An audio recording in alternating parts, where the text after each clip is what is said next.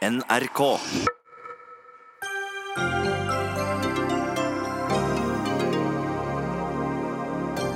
Nobels fredspris ble delt ut i dag til Dennis Mukwege og Nadia Murad for kampen deres mot seksualisert vold i krig og konflikt. Vi har med andre en jublende lillesøster og en fornøyd statsminister. Norges omfattende økonomiske samarbeid med Kina er feil vei å gå, mener forfatter og Kina-kjenner. Neste uke innleder kongeparet et åtte dager langt statsbesøk i landet. Og bruken av trigger warnings har tatt helt av, mener Aftenposten-journalist, som tror at slike advarsler kan føre til taushet om viktige saker. Mens en psykolog mener vi må advare mot innhold som kan trigge traumatiske minner.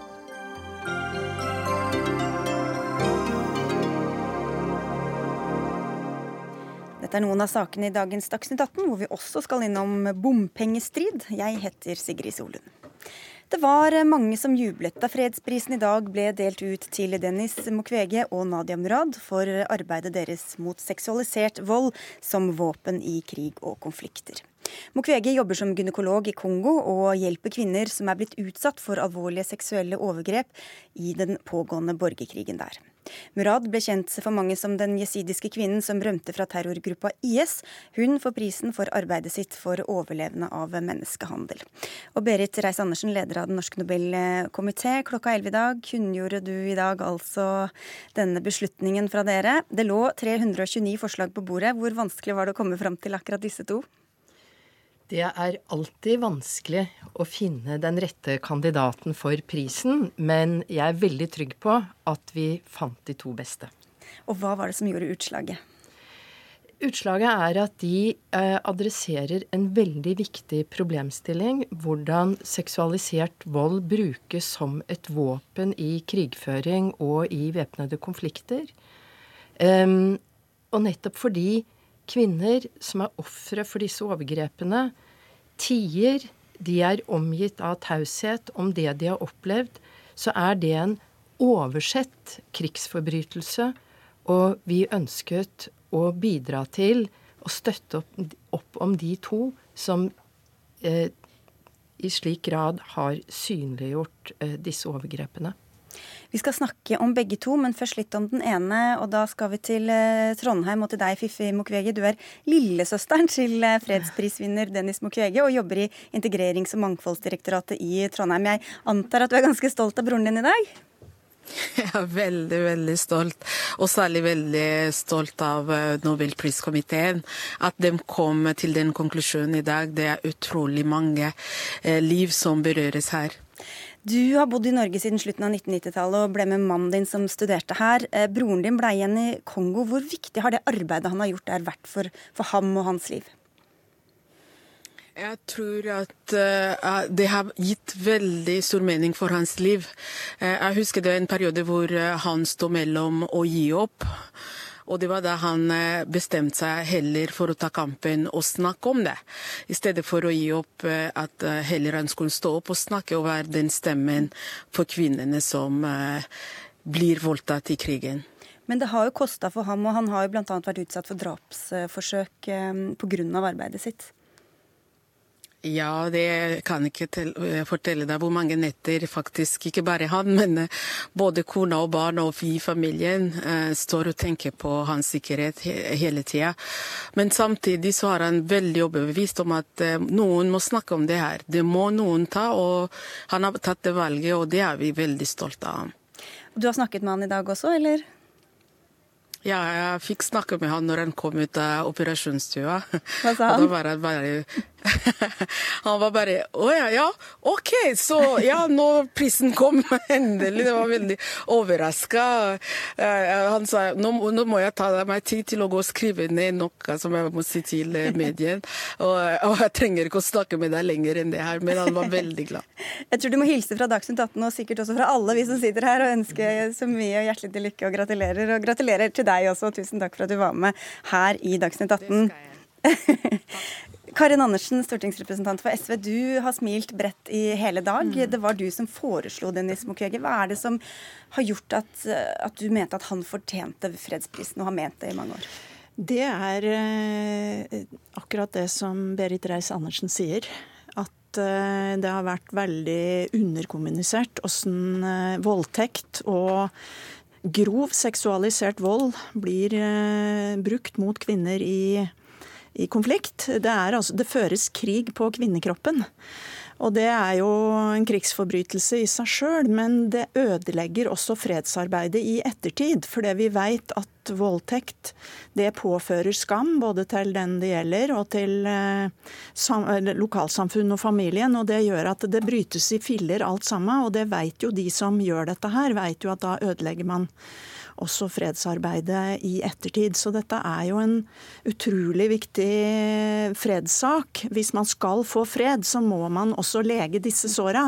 Både sånn som Kvege gjør i operasjonssalen, men også det oppreisningsarbeidet som må til, og som både han og Nadia Murad gir ansikt til nå. Så dette er en utrolig viktig sak, og er helt inne i det arbeidet som også FN har gjort på dette området med resolusjoner, bl.a. på kvinners rettigheter og i krig og konflikt. Ja, for som du nevnte, så er det jo altså to prisvinnere som hylles i dag. Den andre, ja. som du nevnte, Nadia Murad, har faktisk vært gjest også her i Dagsnytt 18. Mm. Vi kan høre og se et lite klipp fra denne januardagen i 2016, hvor hun fortalte om livet sitt i fangenskap. Og du forteller altså at du ble mishandlet og voldtatt av IS-menn i Mosul. Forklarte IS-mennene hvorfor de var så brutale mot dere?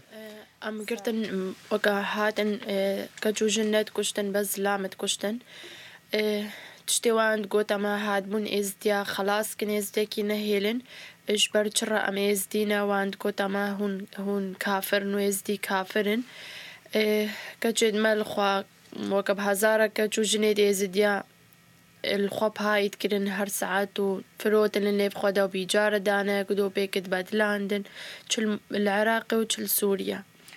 Planen deres var å utslette jesidiene. De fortalte oss at vi hadde kommet til å utrydde hver en av dere. Og utslette hver en av dere. De drepte våre menn og Planen var at de skulle drepe alle mennene og ta eh, alle oss kvinnene og barna til seg selv. Eh, når vi var i deres fangenskap, så ble vi voldtatt, og eh, de forgrep seg på oss. Og de byttet oss og utvekslet oss og ga oss bort som gaver, og vi ble solgt videre hver eneste time. Vi hørte Fredrik Solvang intervjue Nadia Murad. Statsminister Erna Solberg, du har møtt begge fredsprisvinnerne. Murad møtte du senest for en uke, en uke siden, siden i, mm. i, New York. Hvor viktig vil du si at det arbeidet hun har gjort, eh, er? Eh, det er jo utrolig tøft for en jente som har vært utsatt for det hun har vært utsatt for. Også å bruke det til å stå i front og være et ansikt utad eh, når du selv er et overgrepsoffer av dimensjoner. Men det har hun også klart. Og eh, hun, eh, jeg møtte henne både i 2016 og jeg møtte henne i forrige uke. Og heldigvis må jeg si at jeg opplevde jo en mer livsglad jente for, to, for en uke siden enn for to år siden. Hun, men hun er jo også veldig opptatt av at vi ikke må glemme at selv om ISIL nå er slått, så er det fortsatt store utfordringer. Det er mange som er i flyktningleirer som skal tilbake inn til landsbygden, tilbake inn til stedene de kommer fra. De trenger medisinsk hjelp. Og det er klart, denne typen vold er jo sånn at den, den, retter seg mot etniske grupper, den retter seg mot religiøse grupper, den retter seg om å ødelegge identiteten deres. Og vi vet fra alle de krigsscenarioene hvor voldtekt og overgrep brukes systematisk, så er det jo også rett og slett for å ødelegge, eh, ødelegge hele samfunnet eh, de kommer fra. Og, og, hun er jo derfor opptatt av at det er mye mer enn bare kvinnenes situasjon. Det er jo hele hennes befolkning som er, som er rammet. Vi skal snakke litt mer om det snart, men vi kan jo bare se for oss at det har vært en ganske stor påkjenning for henne å skulle mm. fortelle om dette igjen og igjen, og i mm. den ene forsamlinga etter den andre. Men hvor viktig har det vært for forståelsen av hva som faktisk skjer, at vi hører hennes historie? Det er jo i dagens verden med, ja, med mye mediestyring så er jo det å ha et ansikt og en opplevelse og skjønne hva det er, det, det, er jo viktig for å få noen som skaper oppmerksomhet rundt det. Men også innenfor en ramme hvor man har et klart og tydelig budskap man, uh, på, på, hva man trenger videre av, av, støtte og hjelp. Og for veldig mange av de kvinnene som, som jesidia-kvinnene, så er det jo ja, så er det jo voldsomme traumatiske opplevelser som de kommer til å trenge hjelp på lang tid. Og det i så måte så er det jo veldig lik det som skjer veldig mange andre steder når man bruker når man bruker vold, gjengvoldtekter, når man bruker um, um, ja, altså det som et rent våpen. Og det er derfor også FN har definert dette som et våpen i krig, og at det er nødt til å være et uh, mye større fokus på det. Dere foreslo henne også, Karin Andersen. Må ja, nevne og det. Er jo også, altså, dette er jo ikke nytt. Dessverre. Dette, eh, altså, hvis man leser bøker fra andre verdenskrig eller andre kriger, så ser man jo at dette har vært gjort eh, til alle tider. Sånn at ledere har akseptert dette. Og jeg syns også at det er veldig viktig at eh, Nobelkomiteen har valgt disse fredsprisvinnerne nå, i ei tid der vi ser nye verdensledere også, som ikke tar kvinners rettigheter på alvor. Og da er det viktig at dette blir markert også gjennom fredsprisen, at vi ikke aksepterer dette lenger. Ja, jeg vil kommentere. Statsministeren er inne på et veldig viktig poeng. Og hvis man leser Nobelkomiteens eh, begrunnelse veldig nøye, så vil man se at det er en ordbruk som er tilsvarende de kriteriene som gjelder for folkemord og forbrytelser mot menneskeheten. Nettopp det at formålet har vært en utryddelse av en etnisk gruppe. At det har vært systematisk voldsbruk, massakrering av mennene, og da å ødelegge kvinnene totalt, deres identitet, påføre dem et stigma. Og det er her Murads mot kommer til syne, fordi hun har trosset det stigmaet. Mm. Vi skal inn og høre litt mer om hvordan dette faktisk også foregår. Gudrun Østby, du er seniorforsker ved PRIO. og I tillegg til å ha samarbeidet med også Dennis eh, Mukwege, så har du jo forsket mye på, på dette feltet. Hvordan brukes dette seksualisert vold systematisk i sånne krigs- og konfliktsituasjoner? Ja, så Det er jo særlig to eh, måter det brukes eh, systematisk på som strategisk krigføring.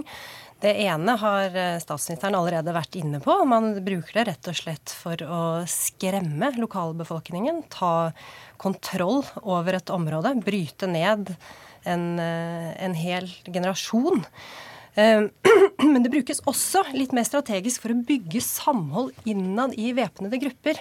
Eh, man beordrer disse soldatene til å begå bestialske handlinger som knytter dem sammen, og som gjør det enda vanskeligere for dem å forlate gruppa og vende tilbake til sine vanlige liv. Så dette er planlagte ting, beordrede ting, ikke noe som bare oppstår der og da i en kaotisk situasjon? Det kan være begge deler, men det skjer i høyeste grad ofte eh, instruert, rett og slett. Og man ser det også mer og mer brukt i ekstreme grupper, som også kjennetegnes ved en fryktelig konservativ ideologi og og, kvinnesyn. Hvordan eh, går det utover flere enn bare det selve det offeret som blir eh, utsatt for dette, men også hennes som regel, familie, hele samfunnet? Ja, så Dette får jo alvorlige konsekvenser for hele samfunnet. Nå må vi også huske på at det er jo ikke bare kvinner som blir voldtatt. Dette gjelder jo også menn, kanskje i større grad enn vi har trodd tidligere. Det gjelder barn. Da jeg var på Pansi sykehus i 2006 hadde det, de nettopp, det er sykehuset til han eh, nettopp, Mukwege. Mm. Der han er direktør og overlege. Da hadde de akkurat fått inn en tolv måneder gammel baby. Altså dette rammer alle. Og én ting er jo disse som blir direkte berørt på kroppen, men det er jo også en hel del barn som blir født som resultat av voldtekt til krig. Og de skal jo også vokse opp og, og leve med dette. For når du snakker om det, så er det, Vi orker nesten ikke å høre om det. Vi snakket om det utenfor her før sendinga, hvor mye vi egentlig skal beskrive hva som faktisk foregår. For det, det er så grusomme ting at vi nesten ikke orker å, å, å, fortelle hva det er som skjer? Ja, altså Ondskapen kjenner nesten ingen grenser, kan det virke som noen ganger. Eh, Mukwege fortalte meg en gang at han mener han noen ganger kan se, når han får inn en kvinne på operasjonsstuen, hvilken væpnet gruppe som har forbrutt seg på henne. For de har gjerne hver sine metoder å gjøre dette på. Og Her snakker vi om bruk av våpen, kokende vann. Altså Det er helt ekstreme metoder som vi nesten ikke orker å se for oss. Erna Solberg, hvordan følger Norge opp i kampen mot sånn type seksualisert vold? Altså, vi gjør jo det gjennom det fokusarbeidet vi har internasjonalt, i, i, ikke minst innenfor fred og forsoning. er Noe av det viktige vi jobber med. Og i alle de stedene hvor vi har vært inne i meglingssituasjoner, så er vi jo veldig opptatt av kvinners rolle for å ha de med. Det, og at også ofrenes rolle må være en del av det. Altså I Colombia var dette en viktig del av liksom at ofrene må ha en rolle, en stemme. At det må være kvinner og gjenoppbyggingen eh, i det arbeidet. Og så gjør vi jo det helt konkret ved at vi støtter en rekke prosjekter. Vi støtter sykehus sykehuset eh, i Kongo. Vi, vi, har støttet med arbeid inn mot grupper som nå har sluppet ut fra ISIL i, i Nord-Irak, med bl.a. Raftoprisvinneren for to år siden, som, som, sin organisasjon som driver med Shelters og andre. Så det er en rekke sånne nettverk av, av organisasjoner som, som, vi bidrar med inn. Eh, og så er, det, så er det jo viktig at dette også blir eh, etterforsket og gjort. Og noe av det som var viktig etter etter krigene på Balkan, det var jo at disse temaene kom mye sterkere. Den største, opp, altså største kanskje gjennombruddet for disse sakene, det var jo også etter Bosnia hvor, også, hvor, hvor, det ble brukt systematisk bruk av voldtekt som en måte å bryte ned i konflikten der. Og det er også deler av det som har vært fremmet for retten senere. Mm.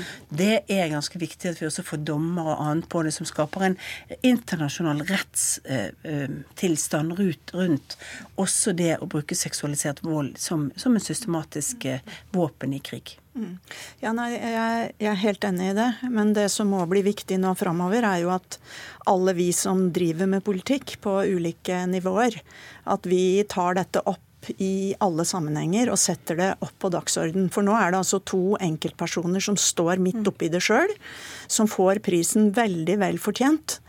Eh, men det er nok av statsledere og andre ledere som ikke bryr seg om dette. Så det blir jo en veldig viktig sak for oss, mm. både som land og som alle politikere, og også som, som enkeltmennesker. For det, det, blir altså valgt ledere rundt omkring i verden nå som har et ganske machosyn på, på verden, og som ikke er, eh, for å si det sånn, går av veien for å bruke vold.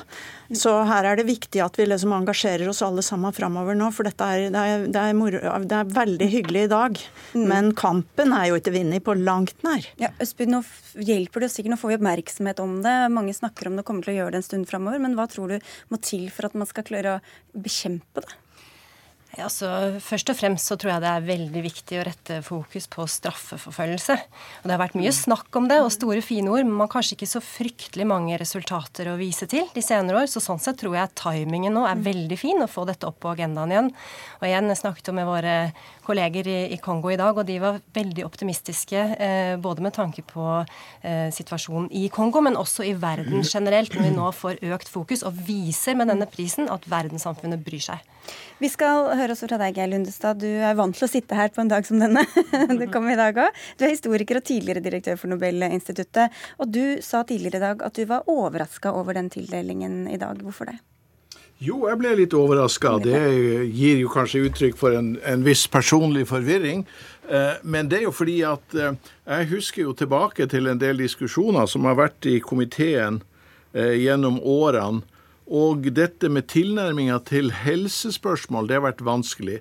Det, det, har vært flere komiteer som har vært opptatt av at man ikke må liksom definere alle gode ting mm. inn i fredsprisen. Der er visse gode ting. Som, man, eh, som, er kjempefint, men som man kanskje likevel ikke skal få fredsprisen for. Så, så du ville ikke delt ut denne prisen? Jo, det vil jeg nok, kanskje spesielt i år. Men bare la meg nevne to eksempler her. Komiteen har jo ofte gitt prisen til humanitære organisasjoner og FN-organisasjoner. Men Verdens helseorganisasjon har aldri fått prisen. Men, ja, skal vi slippe til Berit Andersen først? Og det andre er jo, okay. det andre er jo Mukwege. da. Ja. Han, det er jo velkjent at han har jo vært nominert mange mange ganger. Men det har eh, vært sånt, en viss tilbakeholdenhet Eh, med å liksom bevege seg inn på det området. Mm. Men som jeg sa, eh, jeg mener det er helt greit i år å bevege seg inn. Selv om jeg var overraska, mm. så er det jo helt greit. En ny retning kan Eller vi kan ja. høre med deg, Reis Andersen. Er det en annen, en annen, vurdering enn man har gjort tidligere, eller andre? Eh, for det første så er det jo slik at det ikke skal refereres fra hva som er forhandlet i komiteen. Det må jeg minne deg om. Men dette er ikke en helsepris. Ja, Dennis Mukwege er lege. Men han gjør i prinsippet det samme som Nadia Murad. Han tar en personlig erfaring. Eh, I hans tilfelle er det erfaringen som lege. Han har levd tett på disse ofrene. Han har arbeidet med disse ofrene. Og han har løftet det opp nettopp til det nivået at det må være et rettssamfunn som griper inn for å korrigere det som skjer. Og det er jo i kjernen av Alfred Nobels ånd. Og Mukwege sier det veldig presist når han sier 'justice is everyone's business'.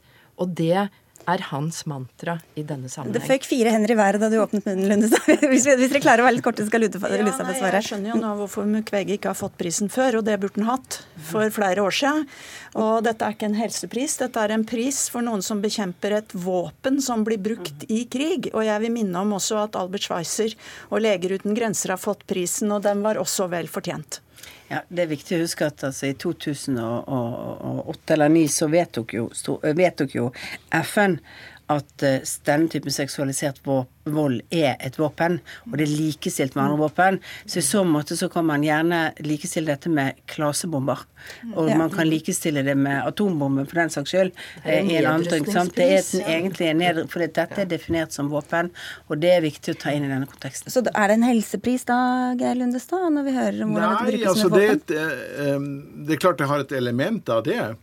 Eh, men det har også mange andre elementer. og Det er jo derfor jeg ikke kritiserer prisen. Jeg kritiserer ikke prisen. Jeg bare gir uttrykk for en viss grad av eh, overraskelse sjøl eh, når jeg tenker på at man har diskutert en del, en del av disse spørsmålene.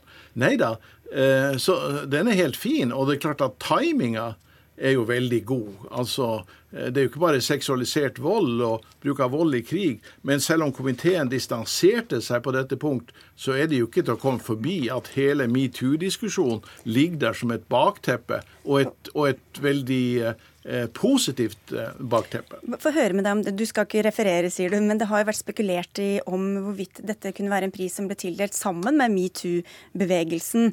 Eh, det er jo kanskje dumt å spørre om hvordan du vurderte det, men kunne det blitt en sånn en sammensausing som dere ikke ønsket å Jeg har svart på dette spørsmålet hele dag og sagt at vår pris adresserer krigsforbrytelser. Metoo adresserer noe annet. Metoo adresserer hvordan kvinner og menn forholder seg til hverandre i sivilsamfunnet, kanskje først og fremst i arbeidsforhold. Og det er grunnleggende to ulike situasjoner. Et lite punkt har de felles. At det er viktig at kvinner bidrar til å synliggjøre den urett de blir utsatt for. Men man skal ikke strekke sammenligningen lenger enn det. Ja, jeg er veldig enig i det som Berit Reiss-Andersen sier her. Men det som også er uh, fellesnevneren, er jo ansvarliggjøring av overgriperen. Så mm. ja. Mm. Men metoo handler ikke bare om overgrep, da. Nei.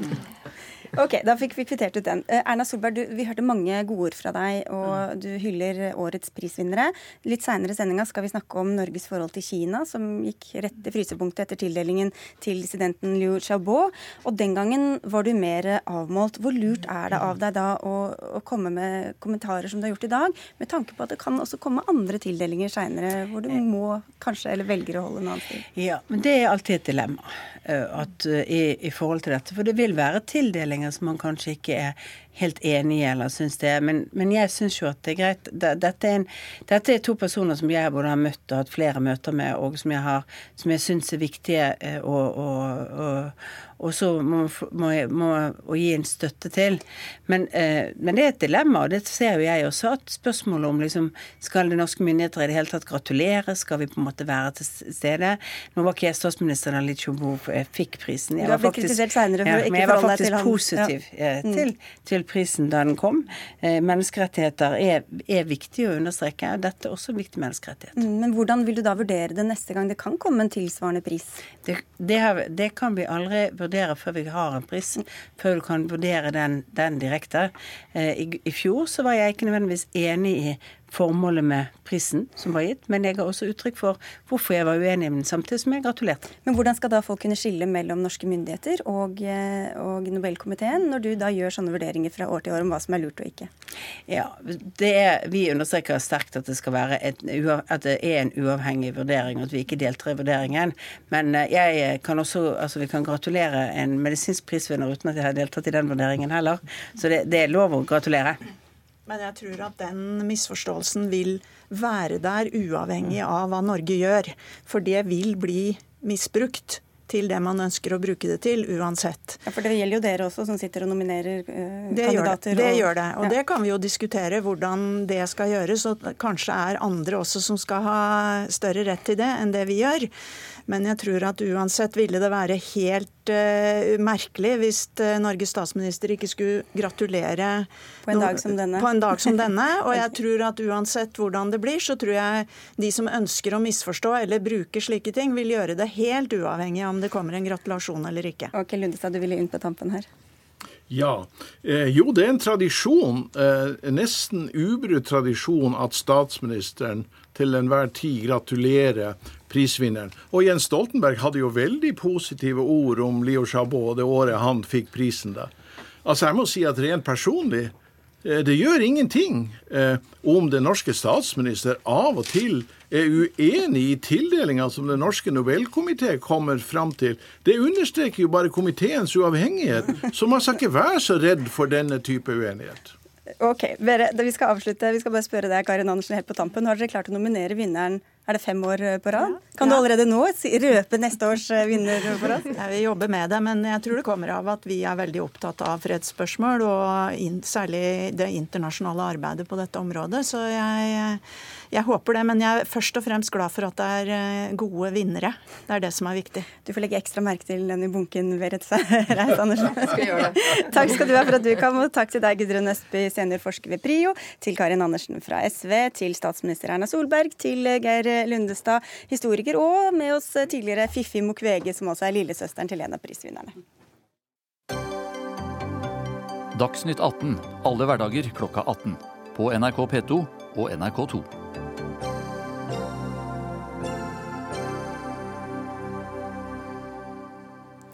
Protester mot eh, bompenger har vært mange og høylytte i eh, mange deler av landet den eh, siste tida. Bl.a. i Oslo, hvor noen bilister hadde en kjør sakte-aksjon i går. 700 bilister skulle kjøre langsomt fra Skjetten i Akershus og inn til Frognerparken i Oslo.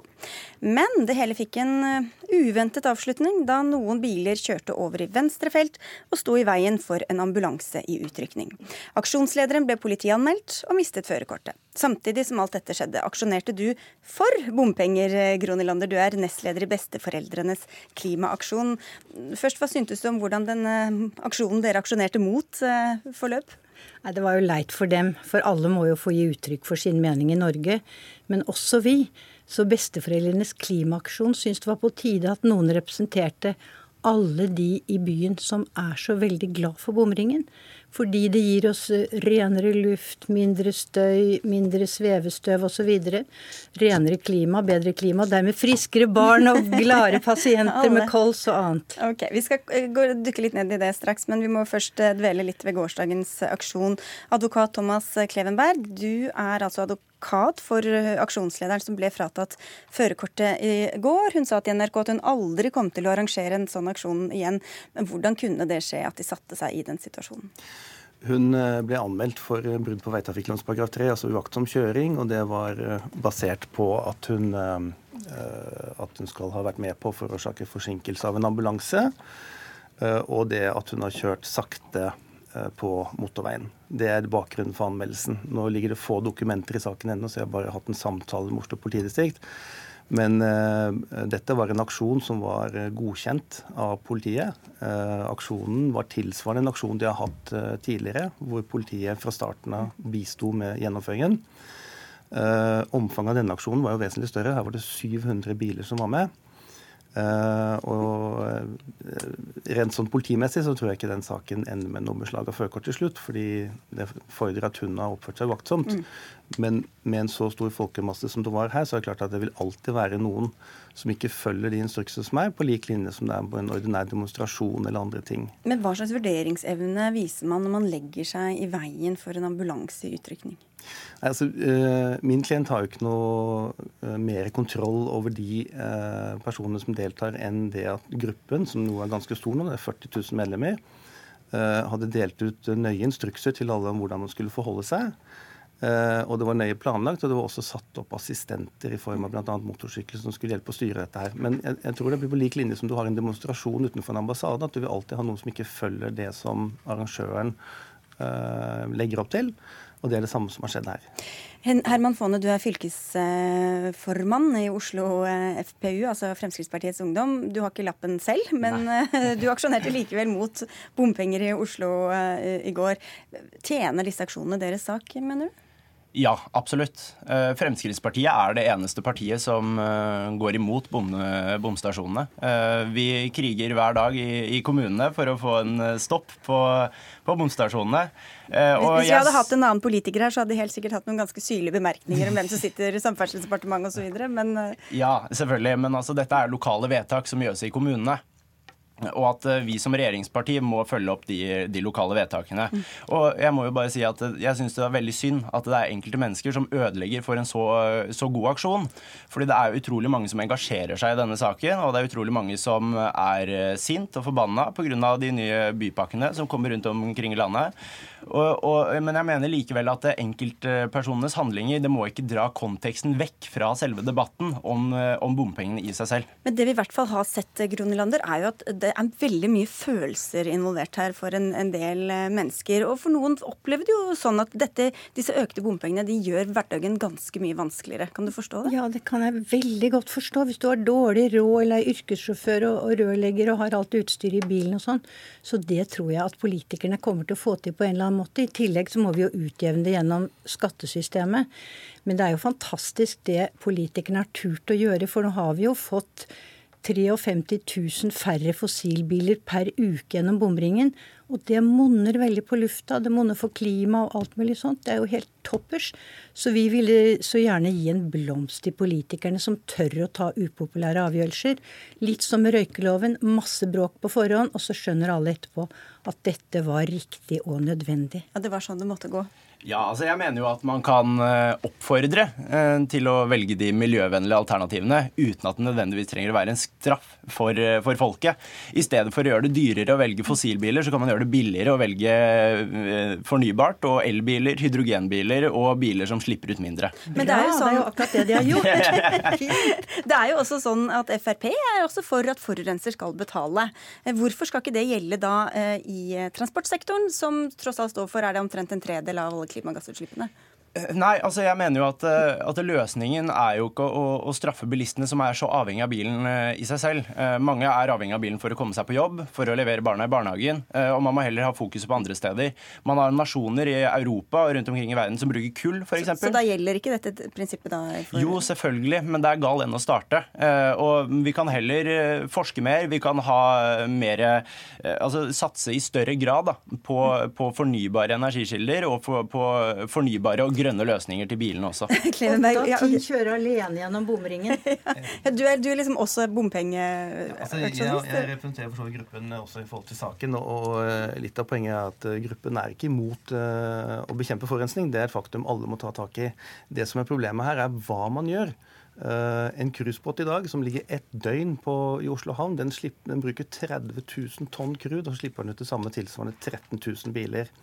Eh, det vil si at hvis man hadde eh, subsidiert Oslo havn til å, altså. Hvis man hadde subsidiert Oslo havn, så ville du totalt sett fått et mye bedre miljø. Alle kan jo alltid miljø. peke på noe annet man kan mm. gjøre i, i stedet, ja, da. Men det du gjør nå, det er at du rammer jo nå den f.eks. alenemoren med tre barn som sitter og skal ha et, et barn i barnehagen, en på skolen og en som skal videre holdt jeg på å si, på noe annet, som da faktisk er nødt til å flytte ut av byen Fordi at du ikke har råd til å betale ja, det er to mot ene. Og så har vi hatt veldig mange debatter om disse bompengene. Men vi bare uh, avslutningsvis snakke litt mer om disse aksjonene, Nylander. Det er veldig mye, Vi hører veldig mye om mange aksjoner fra mange deler av, uh, av landet. Eh, tror du de representerer folkets røst? Nei, jeg tror ikke det. Men du vet, de som er fornøyd, de skriver ikke i avisen, de protesterer ikke, de går ikke i tog.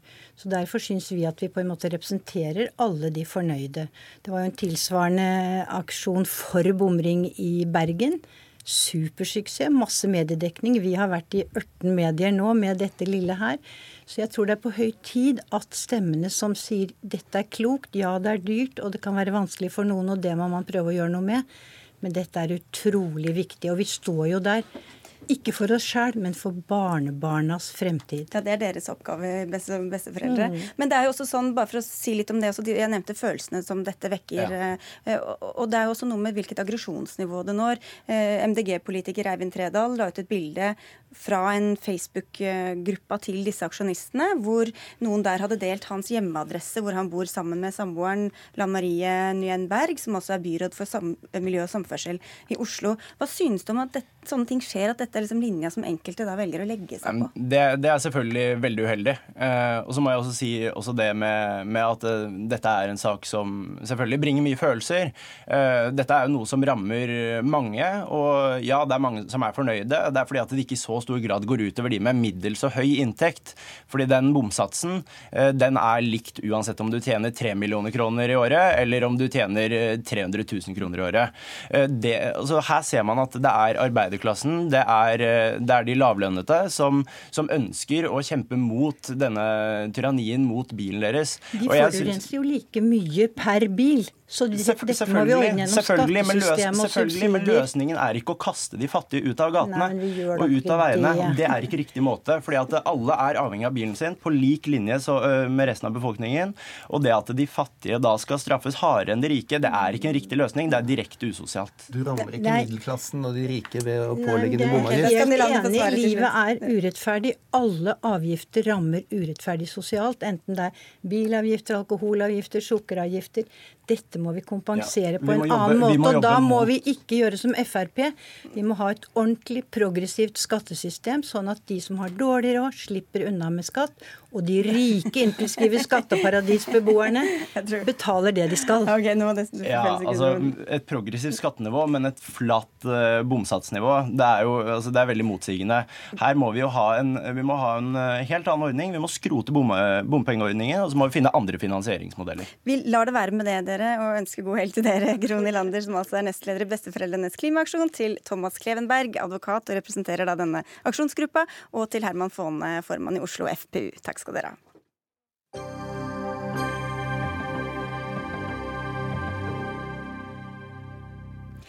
Her er det lange hopp. Eh, neste uke skal kongen og dronningen reise til Kina. Der skal de bl.a. møte president Xi Jinping i hovedstaden Beijing, der den offisielle markeringa av statsbesøket skal skje. Med på lasset er en omfattende delegasjon, bl.a. flere enn 300 deltakere bare fra næringslivet.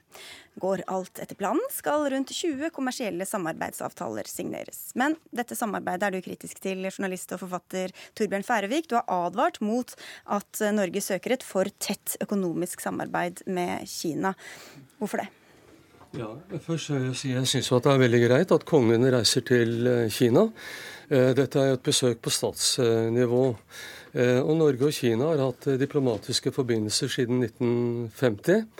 Eh, så det er helt eh, greit. Men? Men jeg er litt skeptisk til eh, hva skal jeg si Altså arten og omfanget, ikke minst, av det samarbeidet mellom Norge og Kina som nå er i emning. Det dreier seg om et stort samarbeid på det økonomiske området. Og det er en fare for at vi kommer for dypt inn i den kinesiske økonomiske veven. Eh, og det kan også få politiske implikasjoner. Eh, det kan i neste omgang bety at vi mm, vil få problemer med å stå opp mot Kina i en gitt situasjon, eh, hvor det kan være behov for det. Så jeg syns at dette er noe man bør reflektere litt mer over. Nå var nettopp utenrikskomiteen på en Kina-tur. Hva syns du om at man da bruker, at, liksom, si, høyner diplomatiet også for å få til dette handelssamarbeidet? Ja, altså jeg syns det er flott at vi har Altså, Kina det er 20 av menneskeheten. Eh, man kan ikke trylle Kina bort fra denne vår arme jord. Det er der, og vi må forholde oss til landet. Men altså, spørsmålet her det er om vi skal veve oss dypt inn i kinesisk økonomi. Eh, og da tenker jeg som så at ja, men Norge det er et land med fem millioner mennesker. Er det slik at det lebensram vi f.eks. har i Europa, Europa det er 750 millioner innbyggere, er det lebensram for lite for oss? Må vi helt til Kina for å kunne ekspandere? Og vi må være klar over at eh, det hele tiden da skapes bindinger til Kina som gjør det vanskelig for stortingsrepresentanter og andre å stå opp mot Kina i en gitt uh, situasjon. Ja, Må vi dette, da? Stortingsrepresentant for Høyre, Hårek Elvenes, som var i Kina også nylig. Jeg syns Færøyvik sa noe veldig klokt. Eh, Kina er jo en formidabel stormakt som vi må forholde oss til. Um, vi kunne selvfølgelig velge en annen strategi og forholde oss på et ensaksområde. og Hver gang vi var i kontakt med Kina, så kunne vi stå på menneskerettigheter og punktum. Men det er jo et faktum at handel også skaper relasjoner. Og land som er i handel med hverandre, har jo tendens til å etter hvert utvikle gode relasjoner. Eh, og så må vi heller ikke overdrive Kinas betydning for norsk økonomi. Det er altså 4% av norsk eksport som går til Kina, og i dag så eksporterer vi faktisk 65% av vår eksport til Europa. Men det er også begrensninger hvor mye Europa kan ta imot av det som Norge eksporterer. Vi har altså tilgang til det europeiske markedet gjennom EØS, eh, som består av 500 millioner mennesker. Eh, vi var der med utenrikskomiteen, riktig. Og jeg sitter igjen med et inntrykk etter den reisa. Det var eh, Eh, personer de vi møtte, de var milde i sin form, men de virka meget strategisk bevisst. Og det har jo du vært inne på. Men det er en strategi vi faktisk må, må være obs på. Vi ser jo at Kina utvikler handelsnettverk. Det er jo en økonomisk stormakt. Eh, Nordøstpassasjen er i ferd med å bli seilingsklar. Isfri. I forrige uke så kom det et skip til St. Petersburg. Takk til klimaendringene, liksom? Klimaendringene, ja. Og hvis denne passasjen blir mulig å seile gjennom, så reduseres altså seilingstida til Europa med ca. 14 dager. Okay, du, ja. Med de sikkerhets- og miljøutfordringer det kan medføre i vårt område. Så vi må på en måte ha en relasjon til Kina uansett. Mm. Men da er jo spørsmålet litt det som ligger under det Færvik sier, nemlig skal vi si Kinas problematiske forhold til mennesker menneskerettigheter, og hvor vanskelig det blir for deg som stortingsrepresentant bl.a. å ta dette opp når vi også ønsker denne økte handelen med Kina. Eh, I forkanten av reisen som du var med på, var det en diskusjon i komiteen bl.a. om det var riktig å ta opp en FN-rapport fra eh, rasediskrimineringskomiteen som fortalte om en eh, ganske grusom behandling av uigurer og andre muslimer og minoritetsgrupper. Tok dere opp det? Vi tok opp menneskerettighetsspørsmålet konkret når vi var i Kina. Eh, i flere møter. Eh, det ble ikke avvist. Det ble faktisk eh, reflektert rundt. Kina har et Hva litt, betyr det reflektert? Jo, det kan jeg godt fortelle litt om. Ja. vi fikk den type svar at OK, menneskerettigheter er viktig, men det er akkurat nå i den rådende situasjonen i Kina, så er det viktigere å løfte millioner ut av fattigdom.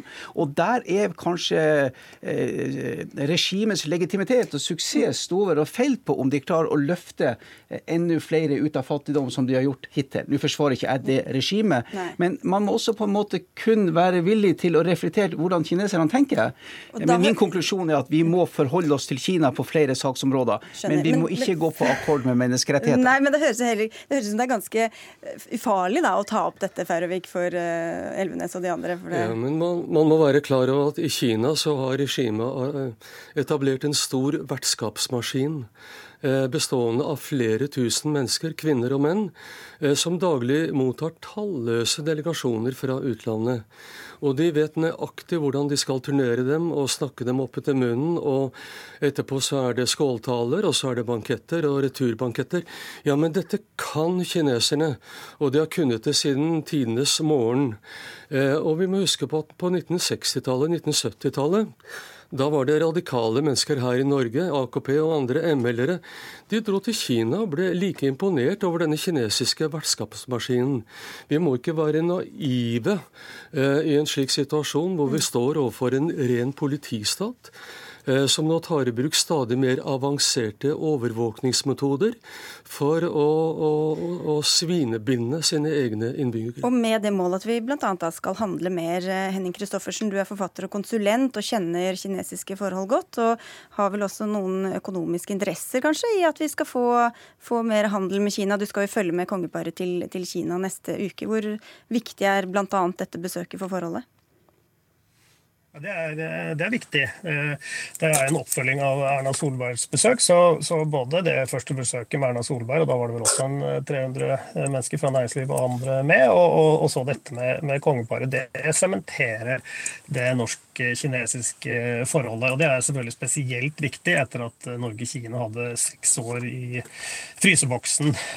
Og det varte jo da til inntil for ett og et halvt år siden. Så det er klart vi er i en periode for, for, norske, for Norge og norske regjeringer hvor det er veldig veldig viktig å, å bekrefte eh, og sementere det eh, norsk-kinesiske forholdet. og det er, det, det er, jo det, fremste målet med dette besøket. Hva hadde skjedd med den norsk-kinesiske handelsrelasjonen dersom eh, norske politikere hadde vært mye hardere i klypa og i beskjedene overfor Kina? Nei, vi har jo, Det vet vi jo noe om. Vi hadde jo seks år eh, hvor det ikke var noen diplomatiske altså Det var ikke diplomatiske forbindelser på høyt nivå i det hele tatt. Det var ikke noen politisk eh, kontakt.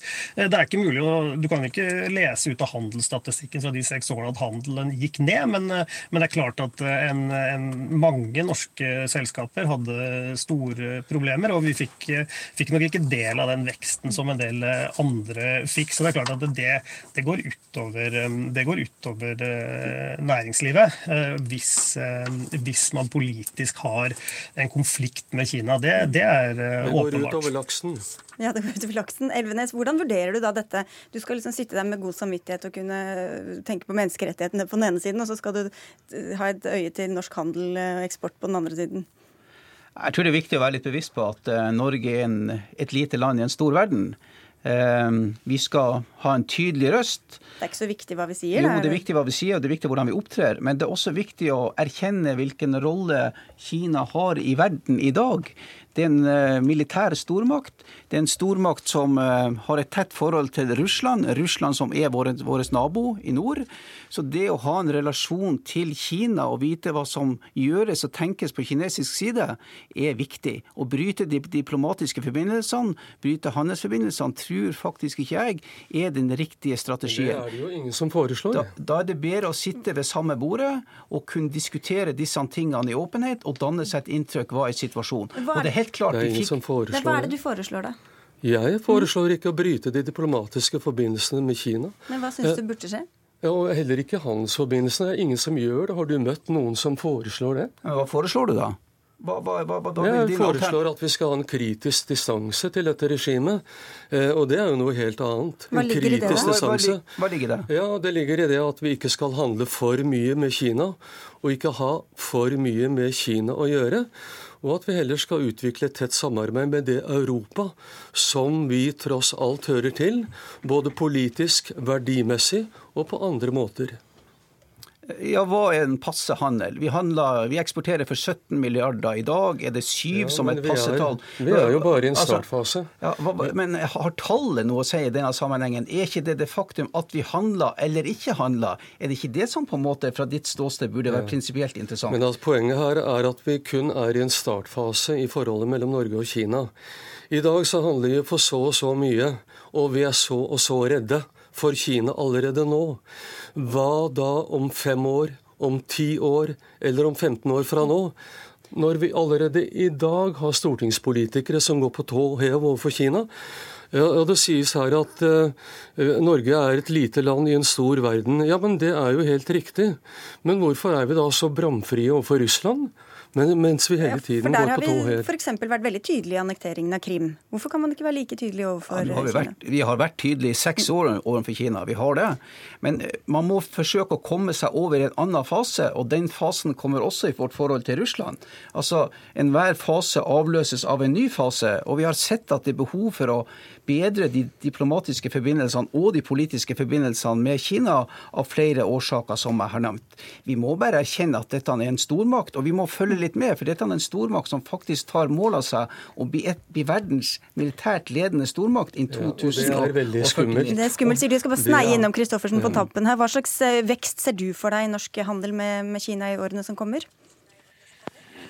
Den kommer til å vokse i takt med at eh, Kina, Kina vokser. og jeg må jo bare legge til jeg også at det, det, det virker som Færøyvik har en sånn tanke om at norsk næringsliv og norske institusjoner som arbeider med Kina, er i utgangspunktet naive fordi de jobber med Kina. Og så er han litt uklar på hvor lite eller hvor mye vi skal jobbe med Kina. Har, det siste selskapet jeg eh, arbeidet i, det var det norske Veritas. De har vært i Kina siden 1888. Det er ikke noen naivitet i forhold til um, det å jobbe i Kina og med Kina og, og, norske selskaper jobber jo i veldig mange forskjellige markeder og, og driver selvfølgelig risikovurdering kontinuerlig i forhold til hvor, man, hvor vi skal være. Så det, så det er jeg tror man skal være litt eh, ikke, ikke naiv andre veien heller. Det ville være et voldsomt valg både fra næringslivet og fra eh, universiteter og forskningsinstitusjoner å velge eh, eller ikke sørge for at vi har de beste mulighetene til å følge med på Kina fremover. Og skal man gjøre det, så må vi faktisk jobbe med Kina. Vi må ha samarbeidsavtaler okay. med Kina. Det, det, gir muligheter for unge mennesker til å Skjønner. også reise til Kina og lære om Kina fremover. Og det vil være en, okay, en bjørnetjeneste vi må bare la Færvik få svare på den helt til slutt. Ja, men Jeg er veldig mye enig med deg. Eh, og Vi skal samarbeide med Kina på mange områder når det gjelder miljø, helse, medisin, alle slike ting eh, som er nyttige og viktige. Eh, samtidig så er det veldig viktig å ha en politisk analyse i bunnen. Eh, sånn at vi er klar over hva slags type regime vi samarbeider med. Færøyvik, eh, Kina er verdens største handelsnasjon. Det er den største handelspartneren for 130 land. Vi må forholde oss til Kina på en eller annen måte i kraft av realitetene og slik som verden er. Og så får vi ønske god tur til kongen og dronningen, og takk dere for at dere kom. Hårek Elvenes fra Høyre, Torbjørn Færøvik og Henning Kristoffersen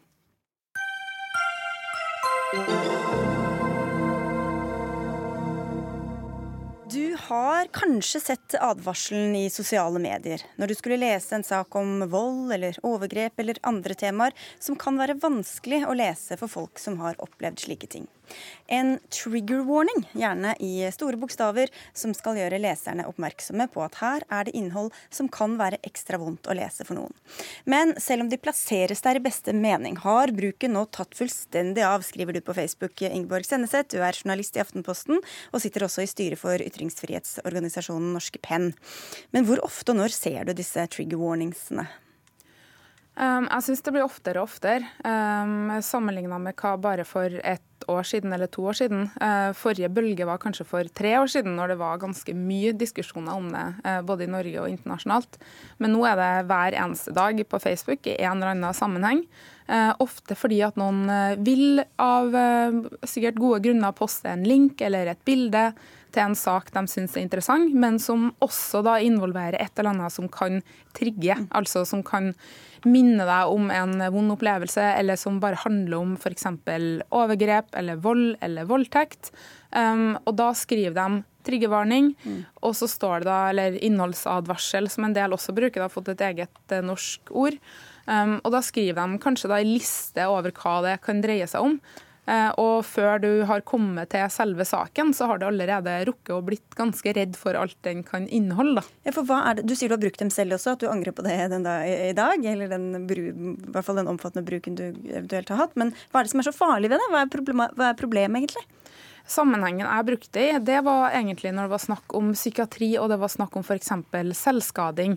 Eh, og Da er det i tråd med de etiske retningslinjene vi har da, eh, i pressen, og også sånne retningslinjer som jeg på en måte uh, syns er et gode. Da. At vi ikke skal være for eksplisitt i f.eks. metoder for skader og sånne ting.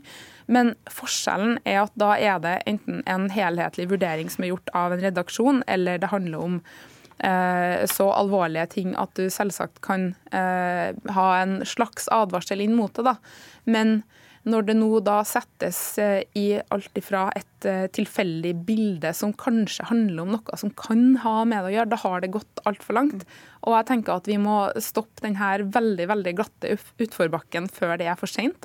Du fikk en del kommentarer på dette innlegget, bl.a. et eh, fra deg, Sissel Fjelltun. Du er psykolog, og du skrev her er jeg ordentlig uenig. Hvorfor trenger vi disse advarslene? Det er ikke alle som trenger dem, først og fremst. Og for det andre så har vi jo veldig mange innholdsadvarsler allerede. Når det er sterkt innhold, f.eks. en film, så får den gjerne 18-årsgrense. Både for at barn ikke skal komme seg inn på den, men vi andre vet jo også noe om at da har den filmen et visst innhold som vi kan velge eller kan velge å ikke eksponere oss for. Det er ikke alle som har lyst til å se på grove voldsscener i flere timer, f.eks. Og det kan en jo velge å ignorere dersom en vil. Det, jo, det, er jo ikke noe hinder i en trigger warning i å ta gå inn og lese selve innholdet. Det går helt fint å ignorere den og fortsette videre. Så den er jo åpen for bruk for de som eventuelt velger å, å ta, ta, den, eller tenker at akkurat i dag så orker ikke dette. Så dette er det samme som at Dagsrevyen sier nå vil vi advare mot sterke bilder, f.eks., sier du? Det er jo en eh, variant av det, men det er jo litt annerledes fordi som Ingeborg sier, så tas det en avgjørelse den tas jo ikke av en redaksjon, men av et enkeltmenneske. Så det er jo mer inkonsekvent bruk, da, vil jeg si. Mm. Og vi har jo ikke gjort dette så veldig lenge, så jeg tenker man har kanskje ikke helt blitt enige om hvor nivået skal ligge. Men jeg oppfatter jo at mye av denne uenigheten handler om terskelen for å sette på en advarsel. Men hva er det som er farlig med det, Senset? Hva er det det kan skade, egentlig? Eh, for det første så kan triggeradvarselen trigge i seg sjøl. Um, det, det, er en del som sier at bare det å lese ordet kan gjøre at du da setter deg ordentlig sånn eh, forsvar mot det. Uh, det er nå én ting. Uh, det er ikke så Altså, jeg vil mene at det er ikke så farlig å bli trigga. Det farlige er hvis at du gjør noe med den triggeren. Eh, hvis at du kjenner på litt angst. Angst i seg sjøl er ikke farlig. Angst er et varsel fra kroppen om at noe er litt feil. Det er når det tar overhånd. Og hvis vi skal overøse folk med det at du må passe på å ikke få noe angst, da begynner vi å ha ordentlig trøbbel. Men det virkelige problemet her, det går jo på f.eks. ytringsfrihet. Um, skal vi da ha sånne der svære vern som gjør at folk ikke engang får åpna saken? De vet jo ikke engang hva som blir diskutert. Skal det være sånn at hvermannsen kan sette en advarsel som gjør at den som har opplevd ting, ikke går inn? Og dessuten, det å gå inn i en sak og det å eksponere seg for eh, innhold som er vanskelig, det kan være en del av det å komme seg videre i noen ting. Jeg syns jo at eh, hvis innholdsadvarsler fører til at man snakker mindre heller enn mer, så har, eh, så har, det slått feil. Men jeg tenker ikke at man skal se en innholdsvarsel og så gå bort, men at man skal vite at det er det eh, som er, så kan en sjøl ta noen avgjørelser omkring det. Og når det handler om det med å Hvis man har vært utsatt for et traume av noen slag, kanskje har hatt en PTSD-diagnose eller har det nå, Altså posttraumatisk stressyndrom. Mm. Så handler det litt om å tenke kort, uh, kortsiktig versus langsiktig. Fordi kortsiktig så kan det være OK hvis man er aktivt traumatisert og det er veldig sterkt for en da, å vite hva det er som kommer, så man kan ta høyde for det. Og så kan man ta også, og, og være litt advart, ikke sant. Man går inn og vet at nå utsetter jeg meg for dette. og i dag så går det greit for meg. Men, men, Det der høres jo fint ut, men det er jo helt på tvers av det f.eks. en studie fra 2018 nå, som viser det at det å se en innholdsadvarsel, eh, det gir en økt sårbarhet får påvirkning. Altså Man tror alt er farlig eh, hele tiden, da? Eller? Eh? Nei, det, blir, det, gir, det, gir, ikke sånn at du på en måte, det gir ikke deg et vern, det gir deg mer sårbarhet. Eh, og det øker angsten for skriftlig materiale som kan oppfattes som skadelig. Ja, og det vil det gjøre og, og hvis man fortsetter med det over tid. Men det å ha det i en kortere periode, det er en forskjell mellom at det skjedde noe forrige uke og det at noe skjedde for et år siden. Men problemet er at det er alltid noen som har opplevd et nylig traume. Og for de som skjedde for et år siden, så tenker jeg at da har de kanskje fått nok tid til at desaktivering er på vei ned. Da kan de selv velge om, om, de velger å gå inn i dette. Og som psykolog så vil jeg kanskje velge å eksponere noen for noe som de syns er veldig ubehagelig. Men som en venn eller som et medmenneske, så ville jeg ikke nødvendigvis valgt å gjøre det, for det må skje under kontrollerte omstendigheter. Hvis Men hva kaller du en kontrollert omstendighet? da? At en som står med å røre i gryta med den ene hånda, og kanskje venter på at ungene skal komme hjem, har sett en kjempeinteressant artikkel, har lyst til å dele den i gruppe, mm. sett på en triggeradvarsel, føler at det er en kompetent person til å vurdere om den i andre rekka ikke skal lese den saken her, eller være forberedt Men det kan de vel bestemme selv? De bare blir oppmerksom på at her er det noe som kanskje kan virke vanskelig eller retraumatiserende? Men si skiltene på veien, da. Skal hvem som helst ta og sitte og kaste ut veiskilt med hvilken fartsgrense vi skal ha? Da... vi kan jo ikke ha et samfunn der triggeradvarsler eller en slags hobbysensur da, skal foregå i hvilken som helst regi. Nei, men da må vi jo diskutere når de passer, ikke sant. Fordi det her er to ulike diskusjoner. Det ene er den diskusjonen om, om det er noe vits i å advare i det hele tatt. Og det andre er den diskusjonen om det gjøres på en konsekvent måte. Det gjøres ikke på en konsekvent måte, det tror jeg alle kan være enige om. Men det er ikke det samme som at man ikke skal gjøre det i det hele tatt. Man, man får ikke forutsigbarhet på nettet, akkurat som man ikke får forutsigbarhet i livet. Det er ingen som har fått triggerwarning for sitt traume. Men dersom man får en heads up, så kan det for mange ta seg være, være til litt hjelp. Men når skal vi stoppe den her, da? Fordi at um, Jeg er jo ikke uenig om at vi skal ta vare på de svakeste, for å si det sånn. Um, men du kan si da at en som vært utsatt for et traume, kan like gjerne bli trigga av en lukt eller Mm. av en farge. Ok, Skal vi To sekunder for slutten på det, for nå er sendinga veldig snart slutt. Hvis man eh, blir utsatt for en lukt eller traume, og det minner deg sjøl om det, så tenker jeg at det kan man velge sjøl under kontrollerte omstendigheter å la seg sjøl eksponere for, for å få ned den, eh, den aktiveringa. Men jeg vil ikke ha, hvis noen ble voldtatt sist uke til lukten av pepperkaker, så vil ikke jeg ha bakt dem for, noe for dem i dag. Det må vi avslutte med. Tusen takk skal dere ha for at dere kom. For Dagsnytt 18 er slutt. Jarand Ree Mikkelsen, Lisbeth Sellereit og jeg, Sigrid Solund, ønsker god helg.